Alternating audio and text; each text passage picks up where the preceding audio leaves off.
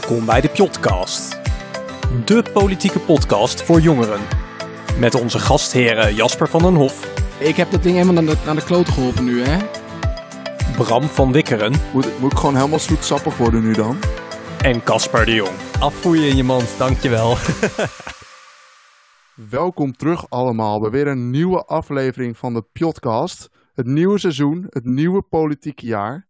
En vandaag misschien een wat zwaarder onderwerp dan normaal. Nou, ik denk niet misschien, zeker weten. En dat doe ik in ieder geval weer met de vaste host erbij, Casper en Jasper. Hi. Hey, hey, hi. Jasper, meteen een vraag aan jou. Sta jij veel stil bij de dood? Eh, oh, nou, bij de dood. Ja, nou, ik kan je vertellen, we hadden eh, laatst, mijn opa die was eh, een beetje ziek. En het gaat nog steeds niet heel goed met hem. Mhm. Maar er was wel even een, eh, ja, was wel een serieus dipje. En, nou, toen was het wel, zeg maar, eh, dan komt het wel dichtbij. Ja. Ehm, want ik ben met de, de eh, ouders van mijn vader, die zijn al tien jaar geleden overleden. Maar de ouders van mijn moeder nog niet.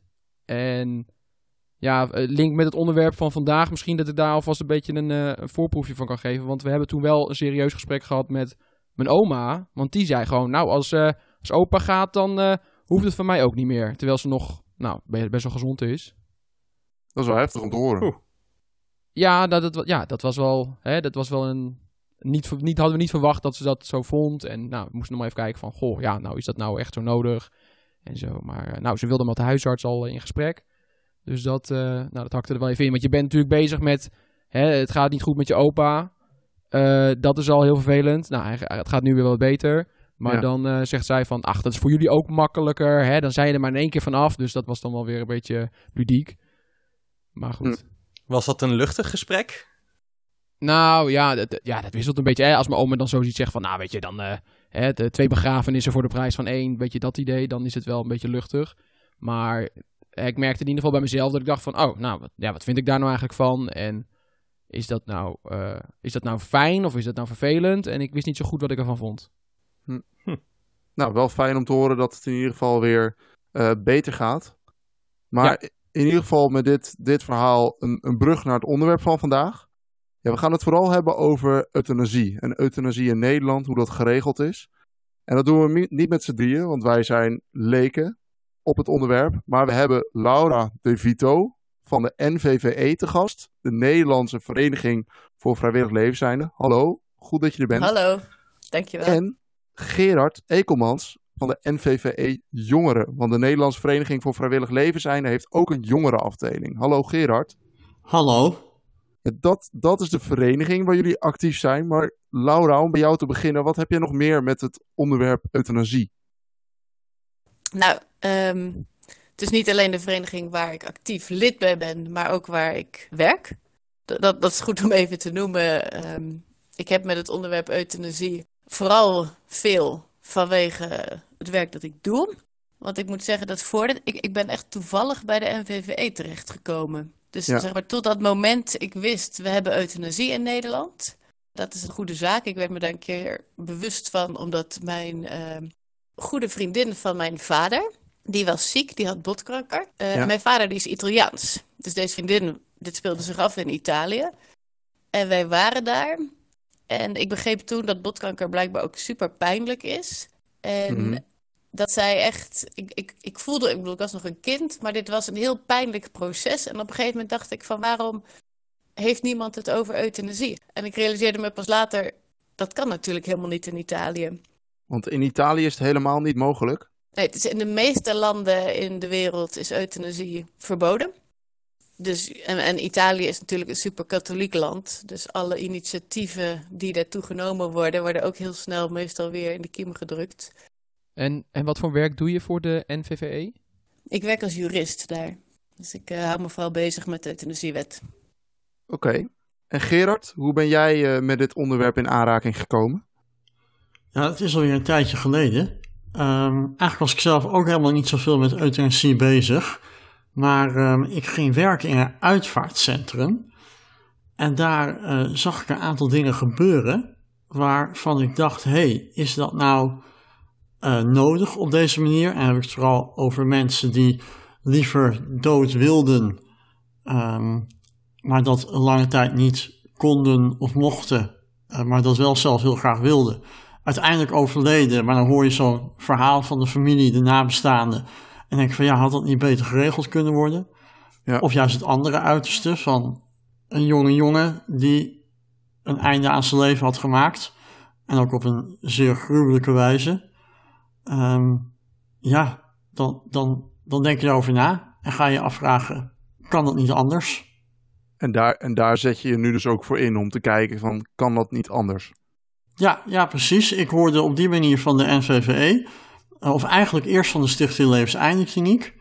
Um, daar ben ik toen stage gaan lopen en uh, zo in de NVVE gerold. Ja, want de, de Stichting Levenseindekliniek die is uit de NVVE voortgekomen. Dat klopt, ja. Oké. En ondertussen heet die uh, stichting trouwens Expertisecentrum Euthanasie. Expertisecentrum Euthanasie. Oké. En Gerard, het is de NVVE Jongeren. Waarom een vereniging die voor vrijwillig levenseinde bezig is, waarom heeft hij een jongere tak? Ja, dat is inderdaad niet helemaal vanzelfsprekend. Uh, maar de, de NVVE heeft 167.000 leden. Uh, tenminste, dat is de laatste telling die ik gehoord heb. Dat is heel en, veel. Uh, ja, dat is heel erg veel inderdaad. Ja, dat verbaast Geen mij ook. Geen enkele politieke partij heeft er zoveel. Nee. nee, nee, precies. Dus dat geeft wel aan hoe, uh, hoe groot de vereniging is in perspectief uh, of in verhouding. En waar, daar, daarvan is ongeveer 1% beneden de 40 jaar. Als je het over de dood hebt, dan is 40 al heel erg jong. Of nog steeds ja. heel erg jong. Ja. Um, dus inderdaad, niet vanzelfsprekend om daar een jongere afdeling op te richten. Maar alsnog, dan heb je het over ongeveer 1600 jongeren die lid zijn. En de NVVE wilde daar graag wat meer voor doen. Die kreeg te horen dat er te weinig aanbod was voor jongeren om erover te praten. Om binnen de vereniging geholpen te worden. Daar waren ze toch vooral gericht op ouderen. Um, dus ze, ze vroegen zich af hoe kunnen wij meer voor jongeren betekenen. Hebben een aantal jongere leden bij elkaar geroepen. En die dachten, we moeten een eigen afdeling oprichten. En vandaar de NVV Jongeren. Hm. Oké. Nou, mooi, mooi dat, uh, dat die er ook is gekomen. Uh, dat wat achtergrond over de NVVE. Uh, maar ik denk toch voor heel veel luisteraars dat, dat ze er niet heel erg bekend zijn met het onderwerp. En zeker omdat we veel wat jongere luisteraars hebben, ja. is het fijn dat we Laura hier ook bij ons hebben in de studio. Uh, als jurist kun je denk ik veel zeggen over euthanasie in Nederland. Dus misschien mm-hmm. even kort, uh, wat is euthanasie ook alweer precies? Euthanasie is geen juridisch woord. Het uh, betekent eigenlijk niets meer, niets minder dan goed sterven. Het, is een, het komt uit het hm. Grieks. Okay. Eu, goed en Thanos, dood. Dus een, een, goede dood. Als we het in Nederland over euthanasie hebben, dan hebben we het meestal over levensbeëindiging op verzoek. En over hulp bij zelfdoding. En die beide zaken die gebeuren dan door een arts. Dus wat er eigenlijk onder euthanasie wordt verstaan, is dat een patiënt zich tot zijn arts wendt en zegt: Ik wil liever doodgaan dan doorleven. En dan kan de arts de patiënt euthanasie verlenen door middel van een uh, infuus, een dodelijk middel inbrengen, of door de patiënt een drankje te laten drinken. En dat laatste heet dus hulp bij zelfdoding, omdat dat ja. formeel gesproken iets is wat de patiënt zelf doet. Ja, dat is dan misschien ook vaak de wens van een arts dat iemand het echt zelf doet dan dat de arts het doet. Of is dat, uh, wisselt zich dat heel ja, erg af? Nou, dat is een hele leuke vraag, want dat zou je inderdaad denken. Alleen echt in het overgrote meerderheid van de gevallen uh, gebeurt dat niet. Ook al zou dat misschien. Uh, het is natuurlijk niet zo dat in het overgrote deel van de gevallen mensen het niet meer kunnen. Ja. Maar heel vaak wordt toch gekozen voor dat de arts het doet. Volgens mij zit daar achter een, een, een uh, groot vertrouwen van patiënten en artsen van goh, hè, als ik de verantwoord als, als, als u het doet uh, met al die uh, gewoon gezien de medische kennis, dan gaat, dan gaat het beter. dan gebeurt um, goed. Ja, en het is ook denk ik iets wat artsen um, misschien juist prettiger vinden, want het is wat meer gecontroleerd. Het gaat sneller en ja, met een infuus dat lukt eigenlijk altijd. En met een drankje lukt het ook altijd, maar soms duurt het langer. Ja, en er zit natuurlijk wel wat spanning op. Ja, precies. Dat, dan, dan staat iedereen zo te kijken naar wanneer gaat het nou gebeuren. En dan ben je Ja, misschien precies. drie uur verder. Dat, dat, ja, dus Dat ja, daar kan ik me wel wat bij voorstellen. Ja. Ik heb een, uh, wat zal het zijn, een jaar of twee geleden een documentaire gezien over Dignitas in uh, Zwitserland. Die dus ook aan internationals onder bepaalde omstandigheden hulp bij zelfdoding aanbiedt met zo'n drankje. En ja. een segment van die documentaire zie je ook hoe dat gaat. En dat was best wel zwaar om te zien, want die persoon die stikt eigenlijk uh, na het innemen van twee drankjes is het dan. Ja. Heel ongemakkelijk om dat te zien. Terwijl je weet, het is iemand zijn eigen keuze. Ze zijn een lang traject doorgegaan. Uh, het gaat gecontroleerd, maar toch flink confronterende ja. beelden. Ja, het is niet de bedoeling, uh, tenminste in Nederland, dat, dat iemand stikt. Dat is, uh, in principe zou ook heel bij zelfdoding waardig moeten zijn. Dus, Ja. Maar het, het, gaat inderdaad wat uh, minder soepel, laat ik het zo Hm. zeggen. Maar het is wel, hè, als je het hebt over dignitas, in Zwitserland wordt dat verschil tussen het een en het ander juist heel groot gevoeld. Daar is hulp bij zelfdoding is bijna, is, is wettelijk eigenlijk aan helemaal, uh, is eigenlijk alleen maar gebonden aan het feit dat een, iemand het mag verlenen uit goede bedoelingen. Dus niet met eigen, een eigen belang daarbij. En euthanasie is daar echt uit den boze. Oh, en met euthanasie bedoel ik dan het, het, het uh, Het infuus. precies. Terugkijkend naar Nederland, ik weet nu een beetje wat het is, maar wanneer heb je er recht op? Wanneer, wanneer kom je ervoor in aanmerking? Ja, precies. Dat laatste is natuurlijk een betere formulering. Artsen vinden het helemaal niet fijn als je het hebt over het recht. Want het is natuurlijk geen recht. Het is hooguit een recht van artsen om het te verlenen. Oké. Maar dat, maar dat snap ik niet helemaal. Want het is, ik denk altijd een beetje, ja, ik ben wel een liberale jongen. Ik denk van, hè, mijn leven. eh, als ik zeg tegen een dokter van, ik heb er geen zin meer in en ik trek het niet meer. eh, kan jij me niet gewoon even adviseren over hoe ik een beetje eh, waardig aan mijn eind kom? Ja, Dan, is, dan is het toch een beetje zo van mijn eigen keuze. Ik bedoel, ik zeg niet dat, je kan de arts niet dwingen om mee te helpen, maar... nee, maar kijk, dus hij gebruikt het woord advies. Dat is natuurlijk ook weer wat anders dan dat je een arts vraagt om jou dood te maken. Ja. Wij bij, wij bij de NVVE geven ook heel, heel veel advies aan mensen. En dat, ja, dat, dat gaat wel iets minder ver dan daadwerkelijk het leven beëindigen van een persoon. Hm. Dus juist omdat je dat eigenlijk niet. Kijk, want het, het idee is als je een patiënt een recht geeft. Nou, je voelt wel aankomen. Tegenover een recht staat een plicht. Ja. Dus dan ben je verplicht als arts. Precies. Ja. En dan zou je van kunnen zeggen van, nou ja, dan hoeft de ene arts het niet te doen, maar dan moet een andere arts het doen. En er is vast altijd wel iemand te vinden. Maar, maar zo zit het niet. Elke arts mag euthanasie niet doen. Maar welke, hè, onder welke omstandigheden kun je dan aanspraak op maken? Ja, het is, eh, ja ik, ik, ik zeg het nogmaals, want die, hè, de wet is echt heel duidelijk voor artsen geschreven. Dus als je ook in de wet gaat kijken, dan, is, dan mag de arts het doen. Als de arts, en dan komen nu inderdaad de, de voorwaarden waaronder een arts het mag doen. Als deze arts ervan overtuigd is dat de patiënt een uh, vrijwillig en weloverwogen verzoek om euthanasie doet. Mhm. Ten tweede moet die arts ervan overtuigd zijn dat de patiënt ondraaglijk en uitzichtloos lijdt. Ondraaglijk, dat is een subjectief begrip. Dat ligt voor een groot gedeelte bij de patiënt zelf. De ene persoon zal uh, nou, iets als botkanker in een bepaalde vorm veel beter kunnen verdragen dan een ander. Dus dat ligt heel erg aan de persoon zelf, of dat ondraaglijk is of niet. En dat uitzichtloos heeft te maken met is de aandoening waar de persoon aan lijdt en het lijden dat daaruit voortkomt, is dat nog te verhelpen.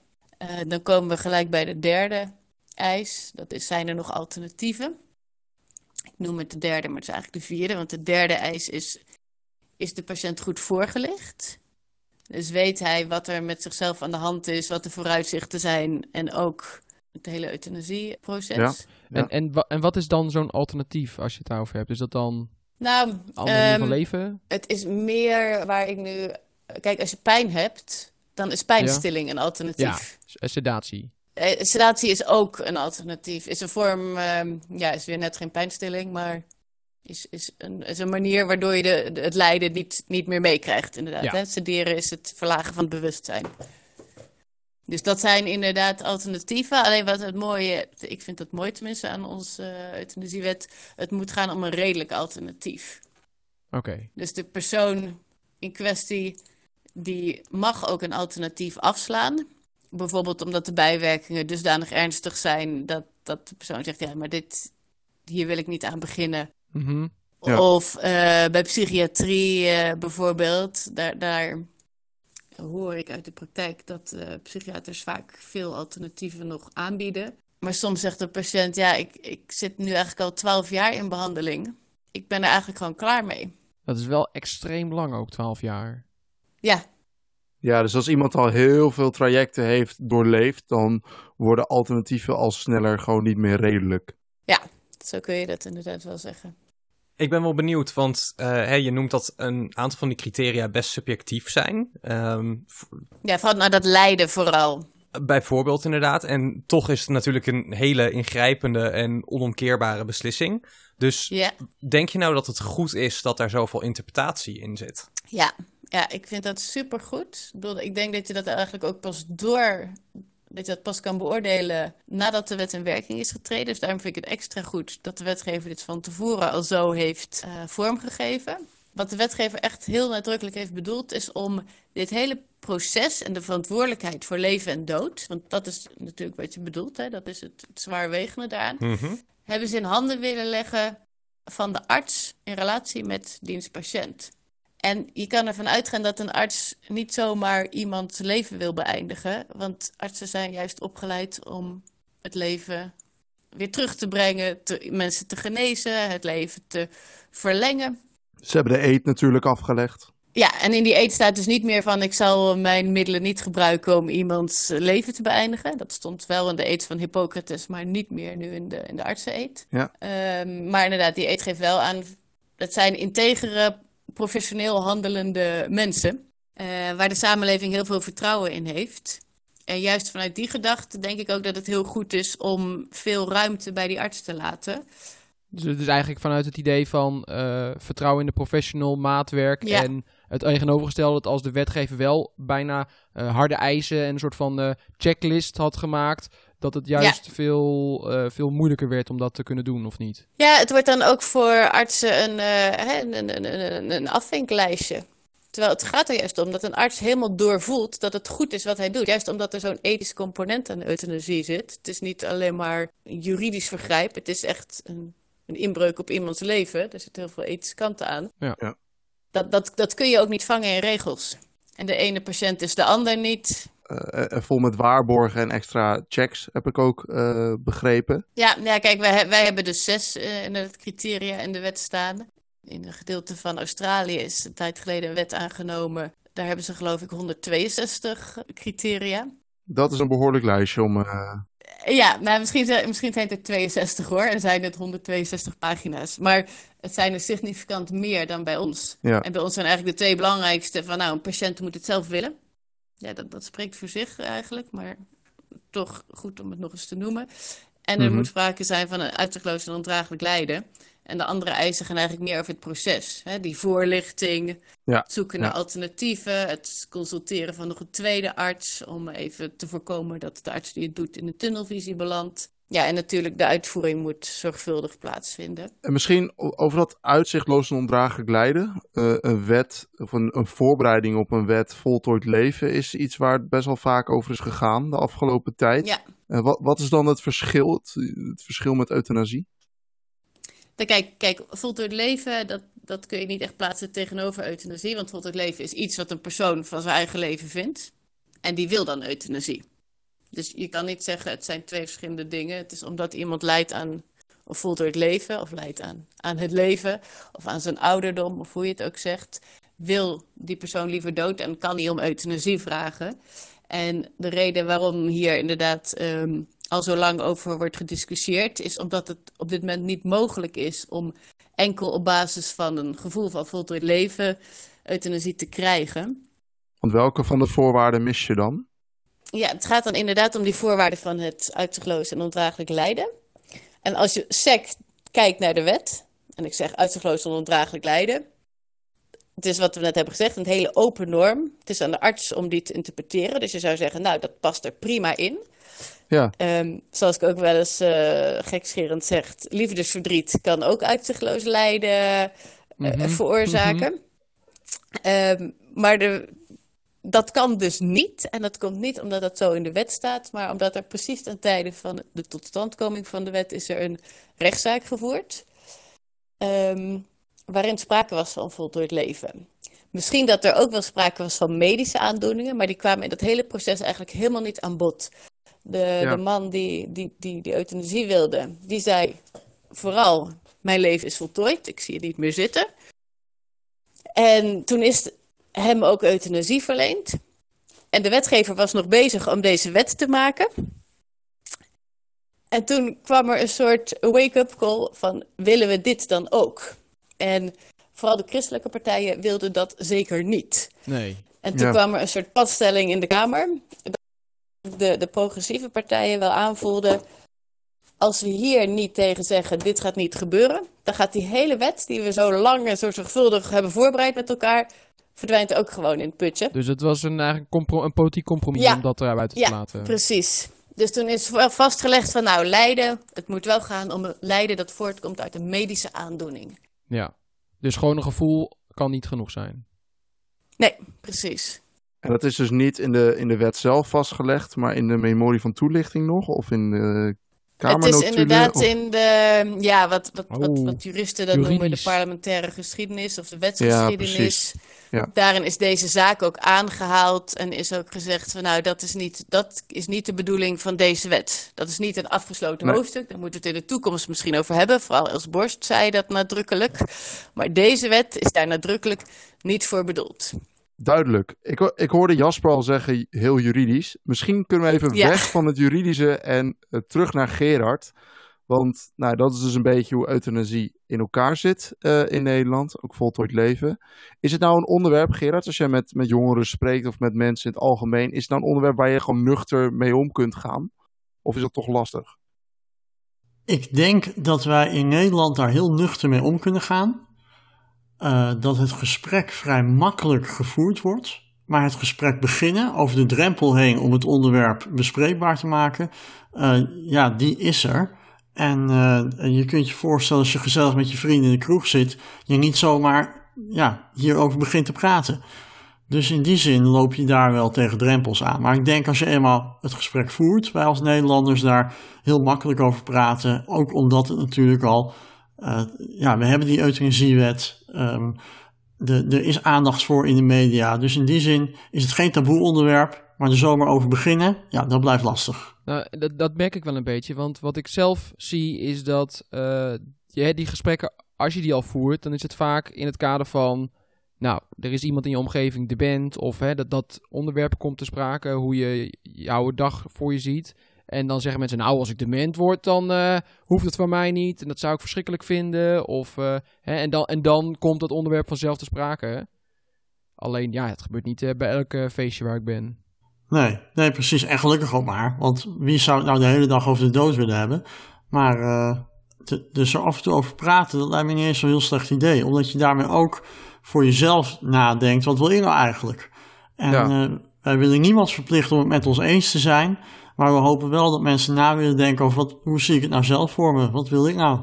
Ja, want we gaan het eh, allemaal een keer doen. Dat hebben we met elkaar gemeen.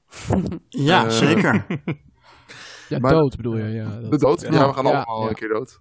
Tenminste, ik weet niet of je van plan was onsterfelijk te worden. Wie weet gaan we er komen. Maar, eh, of leven we voort nog ergens in iets anders. Ja, dan Kijk. heb je het over het concept sterven weer. Hè? Dan, eh, Ja, goed. Maar misschien om niet te filosofisch te worden. Want je noemde een drempel, Gerard. Want wat, wat is dan die drempel waar mensen overheen moeten? Omdat het gewoon een ongemakkelijk onderwerp is om het over te hebben. Of...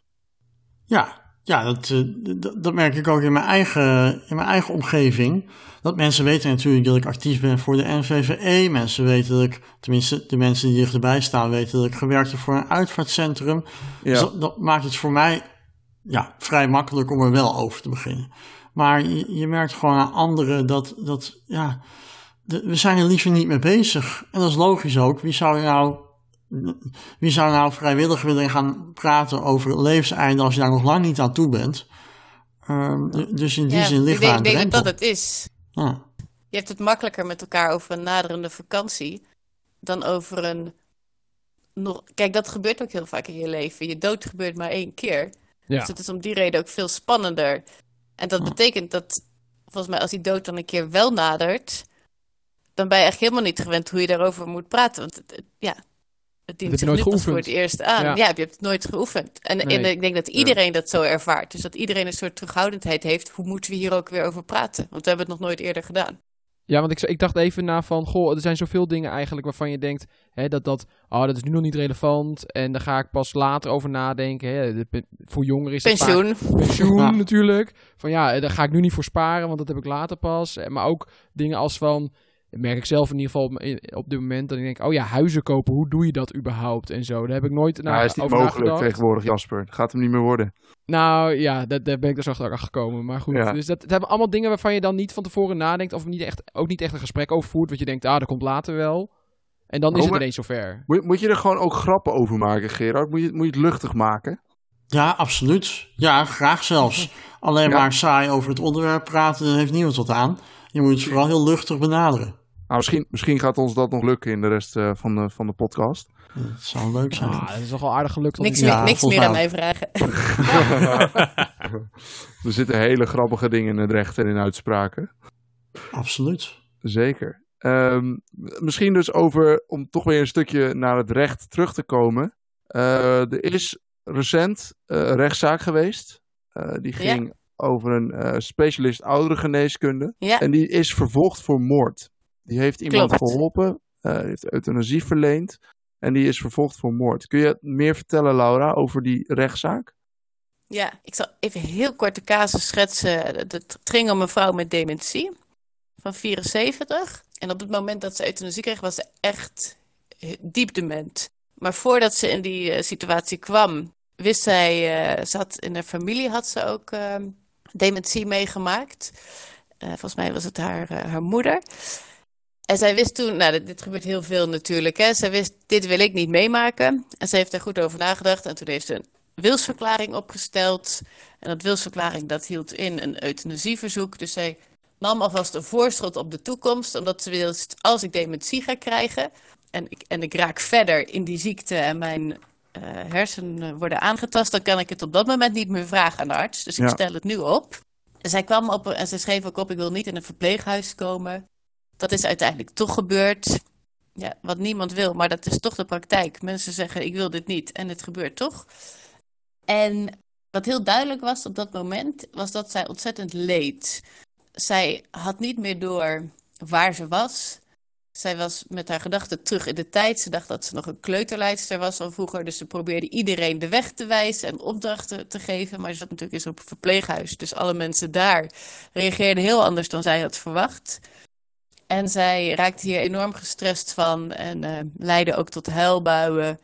Ze miste haar man, want die kon natuurlijk niet mee naar het verpleeghuis. Nou, dus dit, was kort gezegd doffe ellende.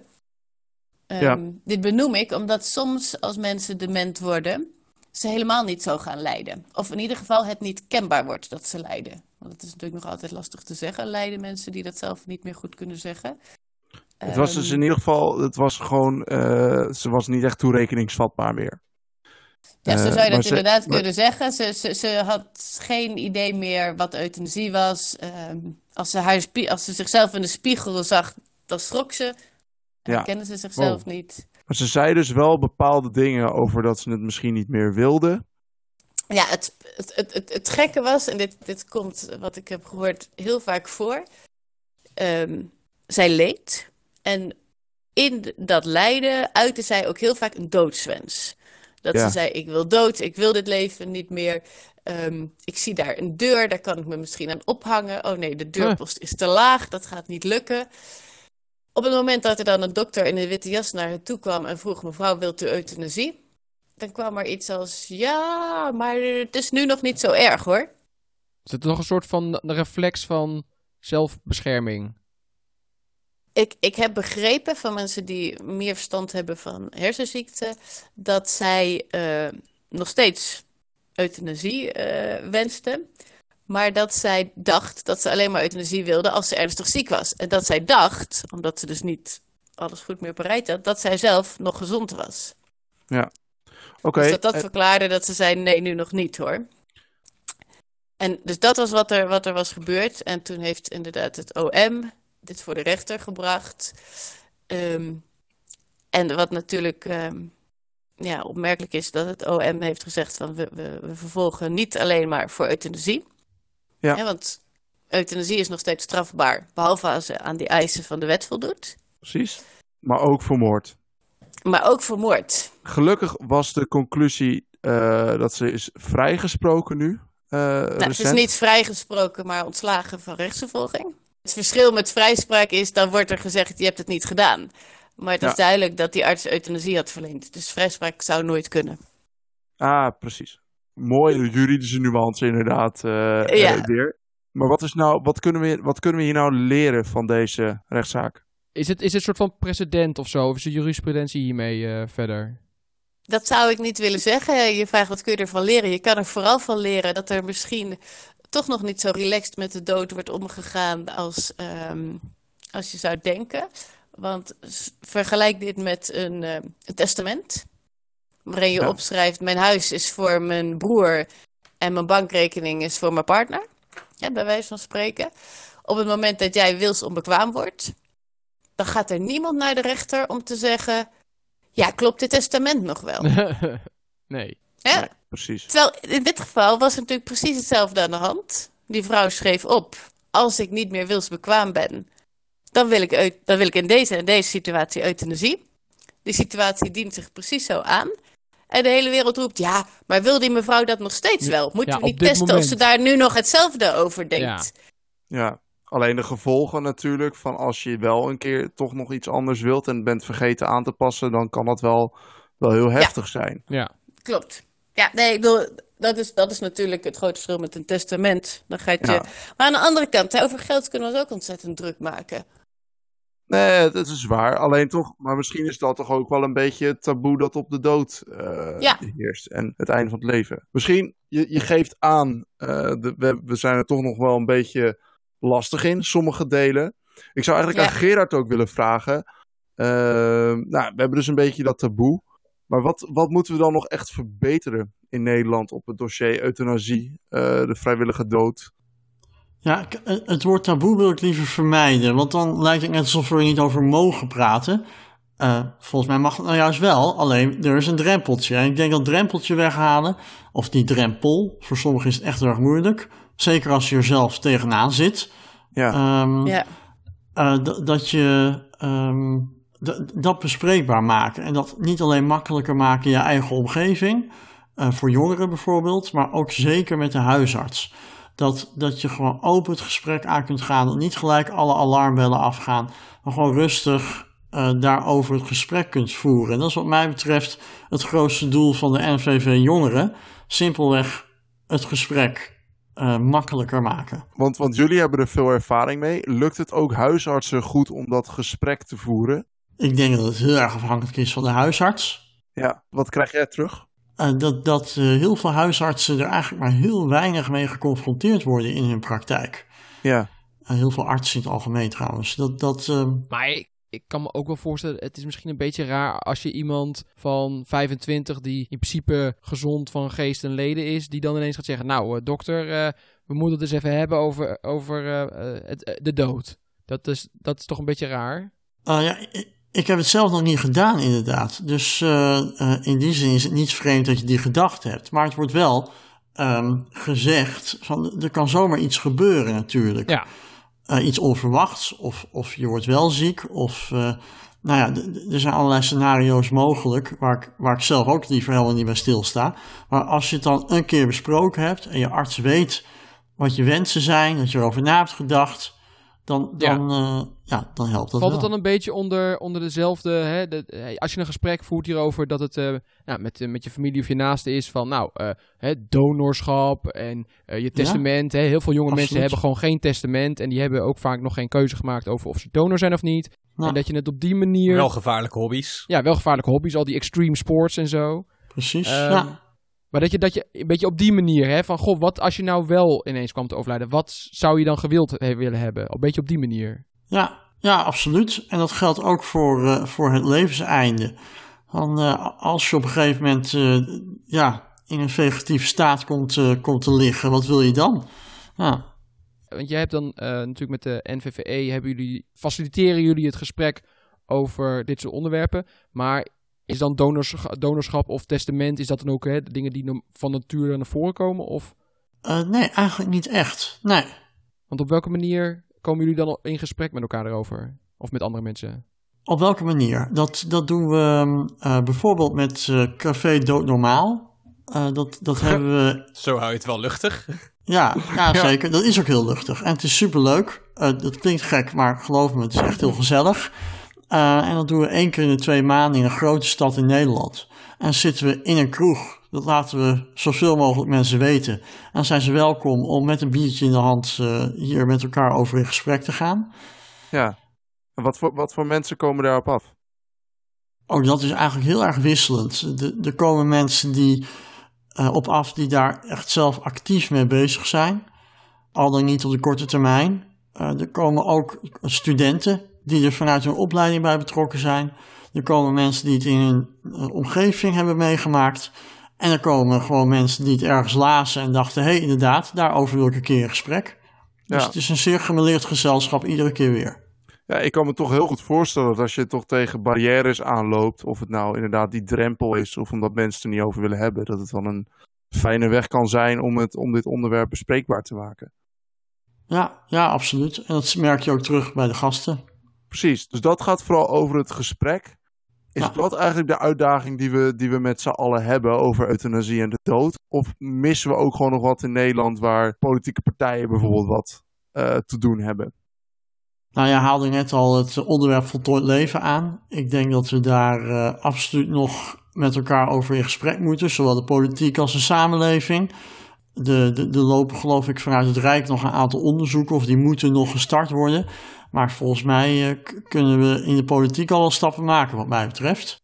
Oké. Okay. En voor Laura, is dat voor jou ook degene waar we qua beleid en politiek misschien wat mee moeten? Het voltooid leven? Ja, zeg maar vanuit onze leden en ook vanuit de samenleving is dat wel iets wat je veel hoort, inderdaad. Van waarom, waarom moet ik een keuring ondergaan bij een arts? Dus dat ja. zich dan en tegen het feit dat er een arts zich met hun moet bemoeien, terwijl ze denken, ja, maar ik heb niet een ziekte, ik, ik, ik, ik leid aan het leven zelf. En inderdaad, van waarom, waarom moet ik medisch lijden? Dat is nog een, um, een probleem en wat je wat wij wel altijd tegen mensen zeggen, want het zijn natuurlijk vaak wel mensen op leeftijd die zo'n voltooid leven gevoel hebben. Die hebben vaak wel medische aandoeningen. Mm -hmm. Hè, um... Alleen het is vaak niet genoeg voor, voor de wet die we nu hebben. Nou, nee, dat, dat is dus juist het mooie. Een uh, kleine tien jaar geleden heeft uh, de KNMG bevestigd van ook ouderdomsaandoeningen zijn medische aandoeningen. Ja. Dus hè, als, als, als, je, als je bijna blind bent of bijna doof of allebei en of je hebt artrose en je loopt minder goed. Kijk, we zijn geneigd daarvan te zeggen dat zijn gewoon ouderdomskwaaltjes, maar het zijn natuurlijk wel aandoeningen. Ja. Medische En je aandoeningen. lijdt eronder. En je lijdt eronder. We worden natuurlijk steeds ouder als uh, samenleving. Ja, en het is ook, uh, want dat, dat lijden, wij denken dan natuurlijk allemaal in eerste instantie aan pijn. Maar als je door je beperkingen helemaal niet meer mobiel bent, of niks meer van de wereld meekrijgt, omdat je niet meer het journaal kan luisteren en ook geen kranten meer kan lezen, dat beperkt wel heel erg de kwaliteit van je leven. En dat is ook lijden. Maar is het dan ook zo dat, dat er iets van een leeftijdsbeperking zit op euthanasie? Er staat me iets van bij dat, want het voor, of het voor jongeren, is dat jij uh, uh, uitzicht. Ja, onder de 12 kan het niet. De wetgever die, die omdat, omdat juist bij euthanasie dat wel overwogen verzoek zo belangrijk is. Mm -hmm. En we aannemen, dat, dat doen we in ons uh, gezondheidsrecht, dat onder de 12 kinderen geen weloverwogen beslissingen over hun medische situatie kunnen nemen, is euthanasie voor die groep ook geen optie. En daar is ook nog wel eens discussie over van ja, soms is iemand van tien wel in staat om heel volwassen te reflecteren op zijn eigen situatie.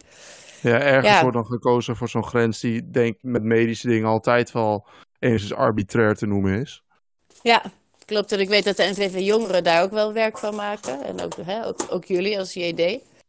Ja, de, de, jonge democraten die, die vinden ook dat het voor alle leeftijden uh, mogelijk uh, zou moeten zijn. Ja, ja en principieel uh, is dat natuurlijk ook zo. Het gaat om het lijden, het gaat niet om leeftijd. Ja, goed. Ik, denk, want toch, ja, zo'n onderwerp uh, kunnen we toch heel veel tijd volpraten. En moeten toch langzaam naar een afsluiting toe gaan. Dank uh, in ieder geval voor, voor jullie komst en al jullie inzet uh, op dit onderwerp om het meer bespreekbaar te maken. Jullie bedankt. Ja. Mochten de luisteraars het interessant vinden, kijk dus ook vooral naar de NVVE en de NVVE Jongeren. Dat staat dus voor de Nederlandse Vereniging voor Vrijwillig Levenseinde. En ik begreep ook dat als we nou hele activistische luisteraars hebben op dit onderwerp, dan kun je nog kijken naar de coöperatie Laatste Wil. Waren dat niet die mensen van het zelfmoordmiddel uh, wat veel in het nieuws geweest is? Ja, het gaat dan inderdaad wel om mensen die heel activistisch zijn op wat wij noemen de autonome route. Dus dat je het gewoon helemaal zelf doet. Zonder bemoeienis van wie dan ook. Als, als, dat, als je daar heel erg veel mee hebt, als je dat heel belangrijk vindt, dan is de coöperatie. Uh... Dus die zijn een beetje voor het uh, do-it-yourself zelfdoding. Zo zou je dat kunnen zeggen. dat is wel een beetje... een luchtige manier om het over te Ja, zeg maar, ja. Zij, zij vinden net als de NVV een waardig sterven ook belangrijk. Ja, ik, laat, laat, dat ja, gezegd zo, zijn. Als je zegt, nou, laat ik hier dan maar, een houtje touwtje denken. Maar, maar ze hebben er meer dan bij de NVVE een hekel aan om naar een arts te gaan en die om euthanasie te vragen. Ja, gewoon, dat gewoon is denk ik een mooi uh, ja, het verschil. Ja. Laat, laat ik hier dan nog wel even ook oneer zeggen dat ik waardig sterven ook heel erg belangrijk vind. Uiteraard. Mooi. Nou, dan rest mij alleen nog om dus Laura en Gerard te bedanken voor jullie komst. En mijn mede-host Casper en Jasper. Tot de volgende. En de luisteraars te vragen om de podcast te volgen, de podcast, op Instagram, podcast. En we hebben nog steeds een gaande deelchallenge. Deel de aflevering met twee van je vrienden, want we willen ons luisteraarsbereik nog altijd vergroten. Dank voor het luisteren en tot de volgende keer. Dankjewel. Dankjewel. Tot de volgende keer. Tot de volgende keer.